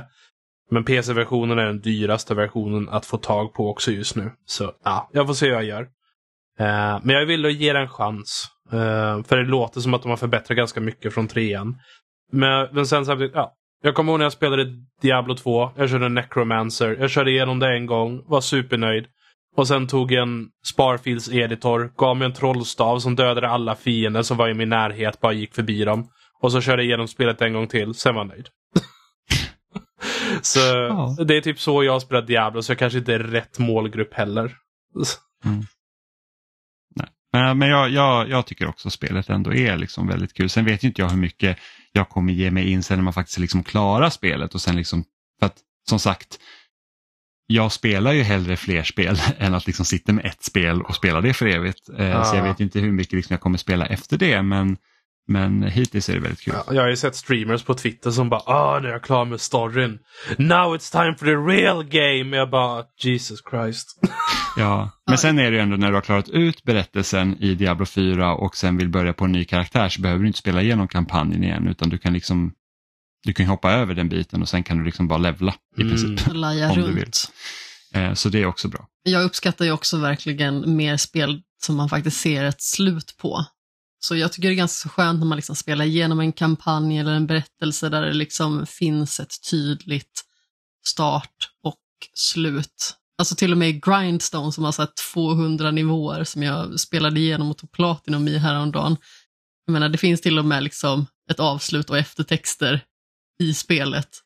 Och det känns ändå väldigt skönt och väldigt tillfredsställande när man så här, ja men okej, nu kan jag ändå känna mig klar. Mm. Mm. Men Adam, Ja. du hade ju också spelat ett spel som jag vet i alla fall att ingen här inne har spelat men som jag förmodar Mm. att eh, flera kan vara intresserade av och det är att du har ju spelat remaken av System Shock. Ja, det har jag. Ehm, har någon av er någon erfarenhet av System Shock uh, sen tidigare? Nej. Nej, jag ska också nog säga att jag tror inte det, mer än att vi har spelat spel som är inspirerade av System Shock. Mm. Och jag, jag har aldrig spelat original System Shock heller eh, tidigare, så det här var ganska nytt för mig. Jag, jag har koll- kollat liksom, videor om System Shock tidigare, för det är ett klassiskt spel. Som typ ingen spelade när det kom, men det är fortfarande en klassiker. har du spelat tvåan? Jag har spelat lite av tvåan. Det är ett spel jag startat upp, men det inte blivit av. Jag har installerat om det. Och i så att vissa moddar som ska få det bli lite eh, modernare tipptopp. Så jag ska köra igenom tvåan, hade jag tänkt. Eh, Får se bara efter Final Fantasy. Men jag, bör, jag har provat på tvåan tidigare. Mm. Eh, och ettan är lite mer, på vissa sätt mer basic i tvåan. Jag kan ta det från början här. Eh, I System Shock 1, man är, ja, man är en hacker som gör det alla hackers tycker om att göra. Ge fingret åt the man och eh, hacka saker, såklart. Mm. Och sitt, sitter med en, eh, med en luvtröja i någon smutsig källare och eh, ser allmänt svår ut. Ja, nästan. Och eh, man eh, hackar sig in i um, Trioptimum, heter det ondskefulla företaget. Ehm, I alla fall. Och eh, man blir i princip kidnappad av det här företaget och då får man ett val. Bara, Hörru du, du, du, du. Du kan eh, göra oss en tjänst. Du kan eh, stänga av den här säkerhetsfunktionen här så får du ett coolt chip. Vi lovar. Ehm, och man ställer upp och gör det. Och sen vaknar man upp sex månader senare på den här Citadel Space Station. Som är en form av ja, Trioptimum forskningsstation i rymden. Um, och eh, saker har ju gått ganska snett om man säger så. Uh, så det är fullt av mutanter, i princip typ alla är döda på eh, stationen. Det är fullt av cyborgs och så är det såklart Shodan. Den legendariska AIn som har fått lite fnatt och eh, helst vill att man ska sluta leva. Helt enkelt. Mm. Och eh, ja, System Shock är ju en immersive sim. En tidig immersive sim om man ska säga så. Och då är det typ Mm. att man har en, en objektiv eh, för storyn men det finns inga klara regler på hur man måste göra. Eh, eh, komma över sina hinder. Utan man har sin set of abilities och saker man hittar, låser upp. Och så får man liksom klara sig så bäst det går. Mm. Skulle man inte nästan kunna säga att System Shock är typ den första Immersive Sim? Mm, nej, Ultima Underworld kom två år tidigare och är typ ursprungs immersive simmen. Eh, System Shock är, kom 94, är eh, i princip en sci-fi version av Ultima Underworld. Mm. Men de, de två spelen är de största, tydligaste exemplen på tidiga eh, immersive sims. För visst är det ändå så, de, många som liksom arbetade på System Shock, var inte det liksom de sen som typ formade Black Isle Studios, om inte jag minns helt fel? För mig det är något liknande. Som, För- som liksom typ gick och typ utvecklade det som sen har liksom blivit många, som vi av, typ känner till idag. många av de här som arbetar, de har ju liksom spridit ut sig och blivit Black Isle, vissa var så var det Looking Glass och, Ja, det, eh, och så. Så det var ju en bunt med olika studior som har liksom spridit ut sig och gjort massa olika saker. Ehm, så det, det är synd att Immersive Sim-genren i princip är doomed och aldrig säljer bra. Jag förstår inte varför. Och så, här, så här är det egentligen, om man lyssnar på vad många liksom vill typ ha när man liksom pratar om spelet, så bara, ja vi kunde typ göra allt. Och Ja. man bara, här har vi genren för dig, varför köper du inte det då? Nej, och, Liksom. och, och det är jättesynd. Eh, för när jag väl provar på en immersive sim som Deus Ex och liknande. Det är supercoolt. Man kan göra, det är så mycket kreativt som man kan göra och uttrycka sig i spelet. Men sen förstår Mm. jag att det är inte heller en riktigt lika chillax upplevelse. Så, Ja, nej, det kräver lite mer faktiskt. ja, så till exempel i System Shock-remaken här. Man, liksom, man bara vaknar och så får man typ ett eh, radiosamtal från någon som förklarar liksom "Eh, Du är den enda vi når. Eh, saker har eh, problem här. Eh, du behöver lösa det här annars så dör jorden. Och jag, och det liksom, sen får man inte mycket mer info på ett tag. Och då liksom går man runt på första våningen på det här enorma rymdskeppet. Och eh, försöker luska ut, okej vad är det som pågår? Här är audiolog och så vidare. Och eh, det, det, jag kan, det, det finns stunder i spelet där jag kan se att många överger spelet. För att Systern Shock remaken är fortfarande väldigt gammaldags. De har inte ändrat extremt mycket. Det är moderniserat, det spelas mycket bättre, det ser betydligt bättre ut än originalet också. Ehm, Mm. men det är fortfarande liknande objectives, och så som jag förstår det. Och Jag har sett Mm. folk, eh, youtubers som pratar om originalet mot remaken och de bara att de från minne liksom kan bara typ göra samma sak om och om igen utan att kolla upp någonting för det är så lite som egentligen ändrats i strukturen på hur Mm. man spelar det. Eh, liknande våningar och eh, objektiv och, eh, så. Så det är fortfarande ganska gammaldags och jag var tvungen att kolla upp en guide några få gånger för att liksom reda på liksom, okej, vart var det jag skulle nu igen? För att det är lätt att missa när man kollar i en logg eller liknande. Mm. Det, Eh, fin- det finns typ ingen questlog eller liksom någon form av grej, liksom typ hålla reda på liksom saker som du faktiskt behöver Mm. veta eller är det liksom så att Nej, då det- får du bara kolla igenom typ din lilla dagbok här, vad som kan finnas. Exakt, Typ. det, det finns inte... eh, Om man köper den lättaste svårighetsgraden för story, då ska det tydligen finnas en markör. Som Ja. pekar i rätt riktning. Jag testade och startade ett game bara för att se, men jag kunde inte se den. Jag vet inte om det är någonting som aktiveras bara i vissa fall eller inte. Mm, Eh, okej. Men annars... Och, du kan, men, och du kan inte byta till typ den svårighetsgraden. Nej, jag hittar, ingen i spelet? jag hittar ingen inställning för det i alla fall. För okej. anledningen till att man inte kan ändra det är till exempel att den högsta story-svårighetsgraden, man kan ändra svårighetsgrad för fiender, pussel, story och eh, sådana och eh, liknande. Mm. Eh, och i den högsta svårighetsgraden till exempel, då, är, då har man 10 timmar på sig att klara spelet. Det tog 22 timmar för mig ungefär. Eh, Ja, okej. Så i alla fall, så, men det finns ingen allmän questlog, men man har liksom som bäst en lista med alla eh, små e-postmeddelanden och ljudloggar man hittar. Och så är det sorterat efter vilka våningar man hittar det på. Eh, Okej. Ja. Så är det så att man, som jag ibland gör, kanske du har Disney Plus igång på telefonen medan man spelar, kanske råkar missa vad en, en person sa, då blir det lite knivigt. Eh, Ja, det kan jag tänka mig. Ja, speciellt när första uppdraget är typ, ah, kan du stänga av den här lasern som kan bränna hål i jorden? Och jag bara dup, dup, dup, dup, dup, går dit och trycker på knappen för att avfyra lasern istället. Ehm. Ja, den är väl lite jobbig.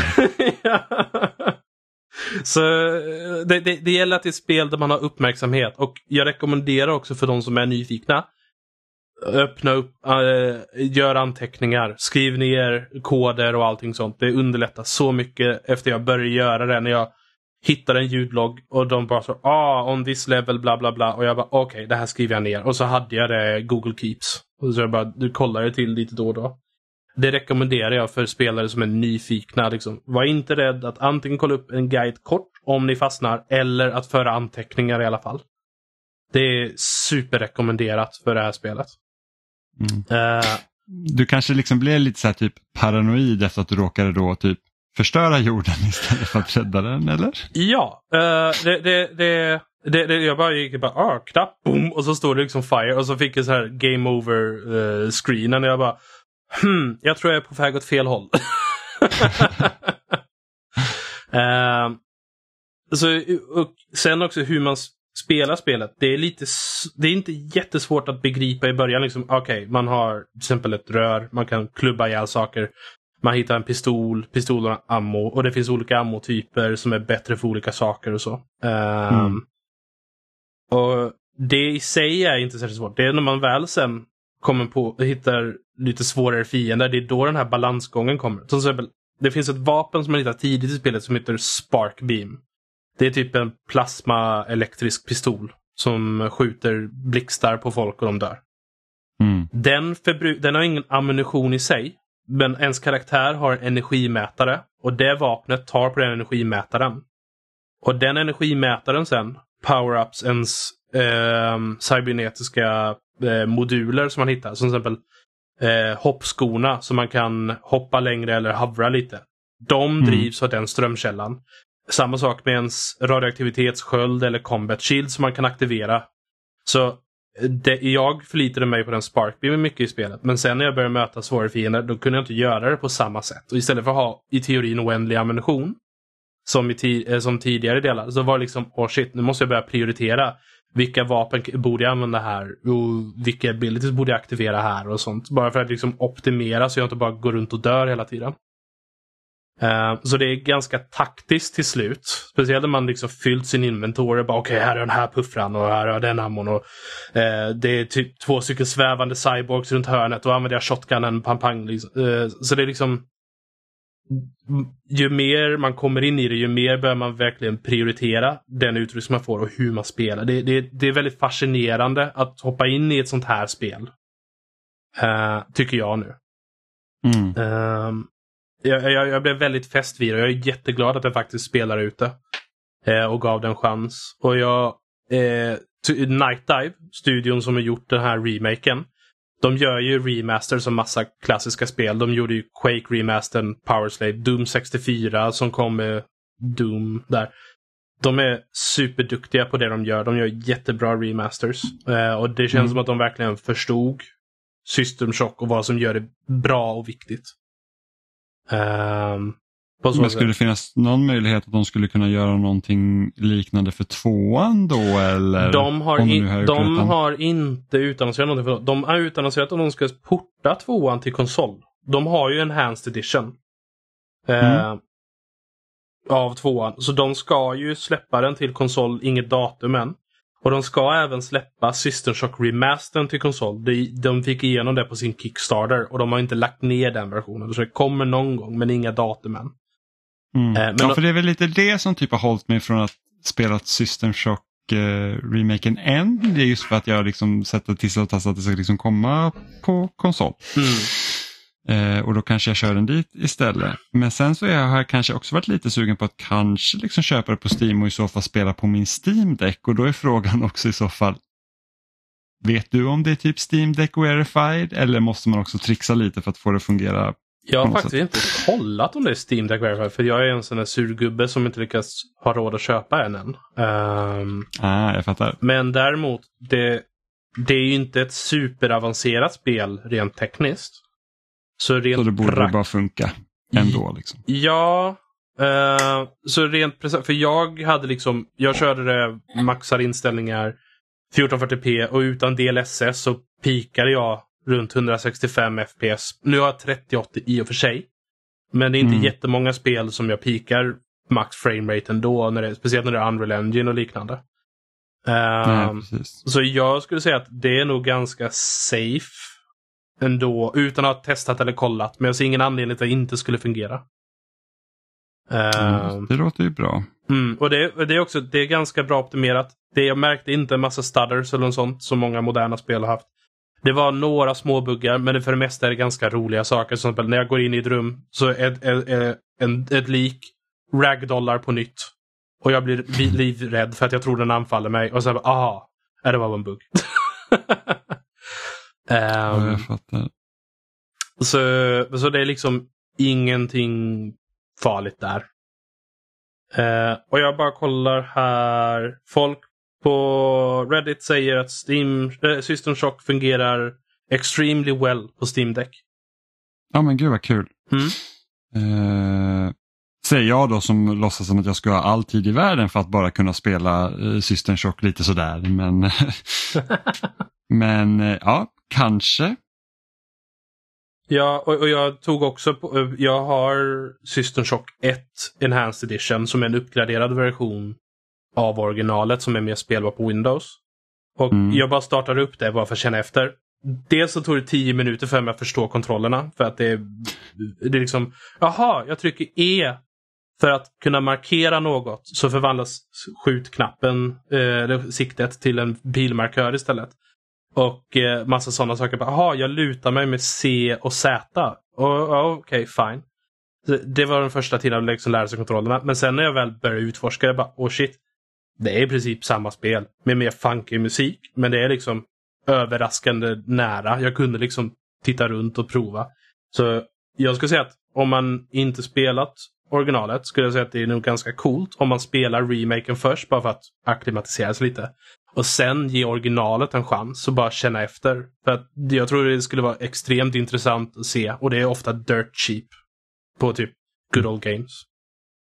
Mm. Eh, Ja, sånt kan ju vara lite kul ändå. Ja, ja, jag tycker... Jag, jag var extremt imponerad över hur väl System Shock som spel ändå höll uppe. Det är ingen sådär super AAA-spel. Det kan vara lite repetitivt. Slutet är fortfarande sådär. Det är bättre än originalet så som jag förstår det. Men det är inte världens bästa slutfight. Men Mm. eh, 22 timmar, den sista halvtimmen är sådär. Jag känner att det fungerar ändå. Jag är jättenöjd med spelet och jag är glad att jag spelar det. Det ser supercoolt ut också. Jag tycker om designen. Mm. Ja men vad roligt. Ja men speciellt liksom när det är ändå, det är ändå ett sånt spel som är ja men liksom mycket av det som vi liksom har spelat och många titlar och sånt som vi ändå tycker om liksom idag så, så, och kommer liksom lite därifrån också så då är det ännu roligare. Ja, alltså det var designen i System Shock har varit väldigt influential i speluniversumet. Om man ska förenkla lite, det är typ lite som ett Metroidvania innan Met- eh, Castlevania och, eh, så släpptes. Det är Mm. man har eh, de olika abilities hur man kan låsa upp som de här Rocket Boots och liknande. Det är typ ett light med äh, Metrovania, att man låser upp nya sektioner man kan interagera med på stationen och sånt. Uh, och, så, och, och sen var jag också, någonting jag inte kan understryka nog, är hur häftig Showdown, spelets ondskefulla AI-huvudskurk, är som en uh, antagonist. Showdown är extremt välskriven. Jag tycker hon är extremt välspelad också med hur hennes röst är och så. Och det är någonting så fascinerande, liksom hitta de här loggarna om hur hon tänker och hur hon ser på det och hur hon beskriver mig som karaktär när hon i princip ringer upp mig och ber mig lägga av. För hon beskriver mig som en insekt, för att tekniskt sett är jag en insekt, för att hon ser stationen som sin kropp och man liksom invaderar den för henne. Mm. Ehm, så det är liksom, jag rekommenderar näst, nästan bara för att showdown är så häftig att man ger spelet en chans. För jag tycker om det väldigt mycket. Jag tycker om henne väldigt mycket som skurk. Mm. Ja, och det är ändå kul liksom att också med det första spelet, liksom den typen av liksom remake och så med tanke på att, ja, men i alla fall liksom lite sånt, när vi liksom har läst speltidningar och sånt, eh, liksom när vi har växt upp och sånt så är det ju många som liksom i så fall har nämnt System Shock 2 som en stor grej. Ja, System Shock 2 är det som många ofta pekar på. Och System Shock 2 gjorde många saker som var lite bättre på så vis. Det såg ju dels modernare ut. Och det är anledningen, tror jag också, för att fler överlag spelade System Shock 2. För att System Shock 1 var lite föråldrat redan när det kom. Mm. Det var System Shock 2 också, för det kom ju typ samtidigt som Half-Life och det spelas också lite som en flygsimulator mer än en shooter. Men ja. Mm. Eh, så Sister Shock 2 är den som får highlight. Men jag, jag hoppas att fler får upp ögonen för Sister Shock-serien. Och jag hoppas att Sister Shock 3 kommer ur Development Hell och faktiskt blir av. För det arbetet påbörjades men det är typ lagts på is, ish, så som jag förstår det. Ja, jag satt precis tänkte på det. Jag bara, har jag drömt eller vill jag minnas att någon någon gång har nämnt ett System Shock 3? Ja, de, liksom de utannonserade att det arbetades på. Jag minns inte Mm. exakt vilken, om du, jag tror inte det var samma utvecklare. Är det Nej, för jag tänkte, Side? vem, för jag tänkte också, vem är det i så fall som sitter och utvecklar System Shock 3? Eh, det verkar vara en studio som heter Other Side Entertainment. Eh, och Warren Spector är inte längre delaktig i projektet. Warren Spector är en av, grund, alltså en av skaparna av uh, System Shock. Så. Mm. Ehm, Ja, jag ser nu att and the project belongs exclusively to Tencent now. ja, det är inte heller helt uppmuntrande. Nej, Så jag hoppas att System Shock 3 blir av och hoppas att det blir bra. Jag hoppas verkligen för att det är en spelgenre i sig som jag gärna vill se, vill se mer av. Eh, Mm. Men vi får se helt enkelt. ja, ja och de rubrikerna jag liksom ser av en snabb googling är liksom, låter inte heller så lovande då när det liksom typ står så här System Shock 3 is officially dead at Warren Spectors studio. Så att, ja, då, Mm, då får vi se vad som händer liksom. mm. Eh, så, ja. Ja. För, och vem vet, om det här säljer tillräckligt bra så kanske det blir att de får en spark i röven, utgivarna liksom så. Men vi får se. Tencent eh, har ibland lite andra prioriteringar tyvärr. Ja, men kul ändå liksom att om man nu inte känner till serien så himla bra eller, liksom, eller aldrig ens har typ kanske hört om den tidigare så är det ändå kul liksom att man ändå kan spela ett System Shock som ändå är på något sätt lite moderniserat ändå. Ja, ja. Det, det, det kändes överlag fortfarande hyfsat modernt. Det var liksom uppstrukturen med banorna och så som är med. Annars så spelas det som ett ganska modernt spel. Um, med de förbättrade kontrollerna. Det tyckte jag var jättebra. Och eh, sen också en stor uppgradering från originalet som gör att det är mycket lättare att spela. Röstskådespeleriet för alla audiologs är mycket bättre. Jag hittade inte en enda dålig audiolog i remaken.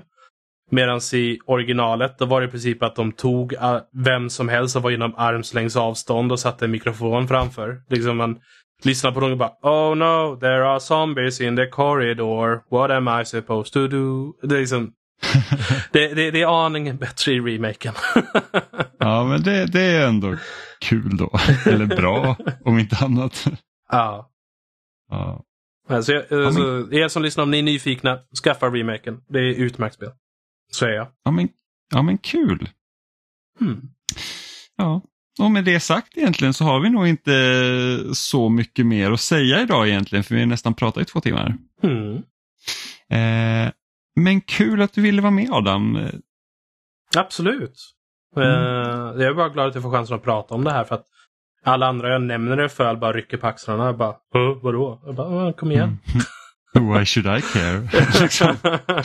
ja ja, men väldigt roligt. Ehm, och för er egentligen som inte vanligtvis brukar lyssna på spelsnack, för det är alltid någon ny som brukar komma in eh, eh varje vecka egentligen. Så hittar ni oss som vanligt på spelsnack.com och där finns också länkar till alla andra ställen som vi finns som Instagram, Facebook, Twitter och Youtube. Men eh, om man nu bara brukar liksom lyssna på podden så är det såklart den vanliga podcastappen som ni vanligtvis brukar lyssna på, eh, som vi också finns. Eh, och om inte annat så hörs vi igen eh, nästa onsdag och så säger vi hej då. Puss i. Hej då! Hej då! hej hej!